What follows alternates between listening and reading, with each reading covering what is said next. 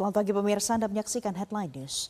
Website resmi Komisi Pemilihan Umum dilaporkan dibobol oleh hacker dan kabarnya 204 juta data DPT bocor dan diperjualbelikan di dark web.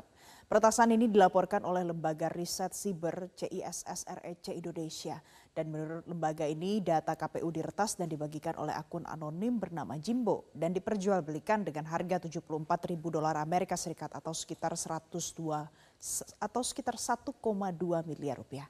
Menanggapi hal ini, Komisioner KPU RI mengatakan saat ini pihak KPU sedang melakukan pengecekan pada sistem data di KPU dan bekerja sama dengan tim gugus tugas keamanan siber KPU untuk melacak adanya peretasan data.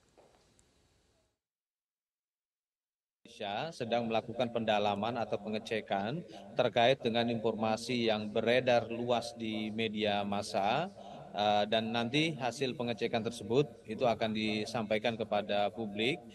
Kalau belajar dari fakta ya atau kasus uh, dahulu Biorka yang di mana dahulu informasi begitu luas bahwa katanya website KPU di, diretas, tapi ternyata tidak. Waktu kasus Biorka ya.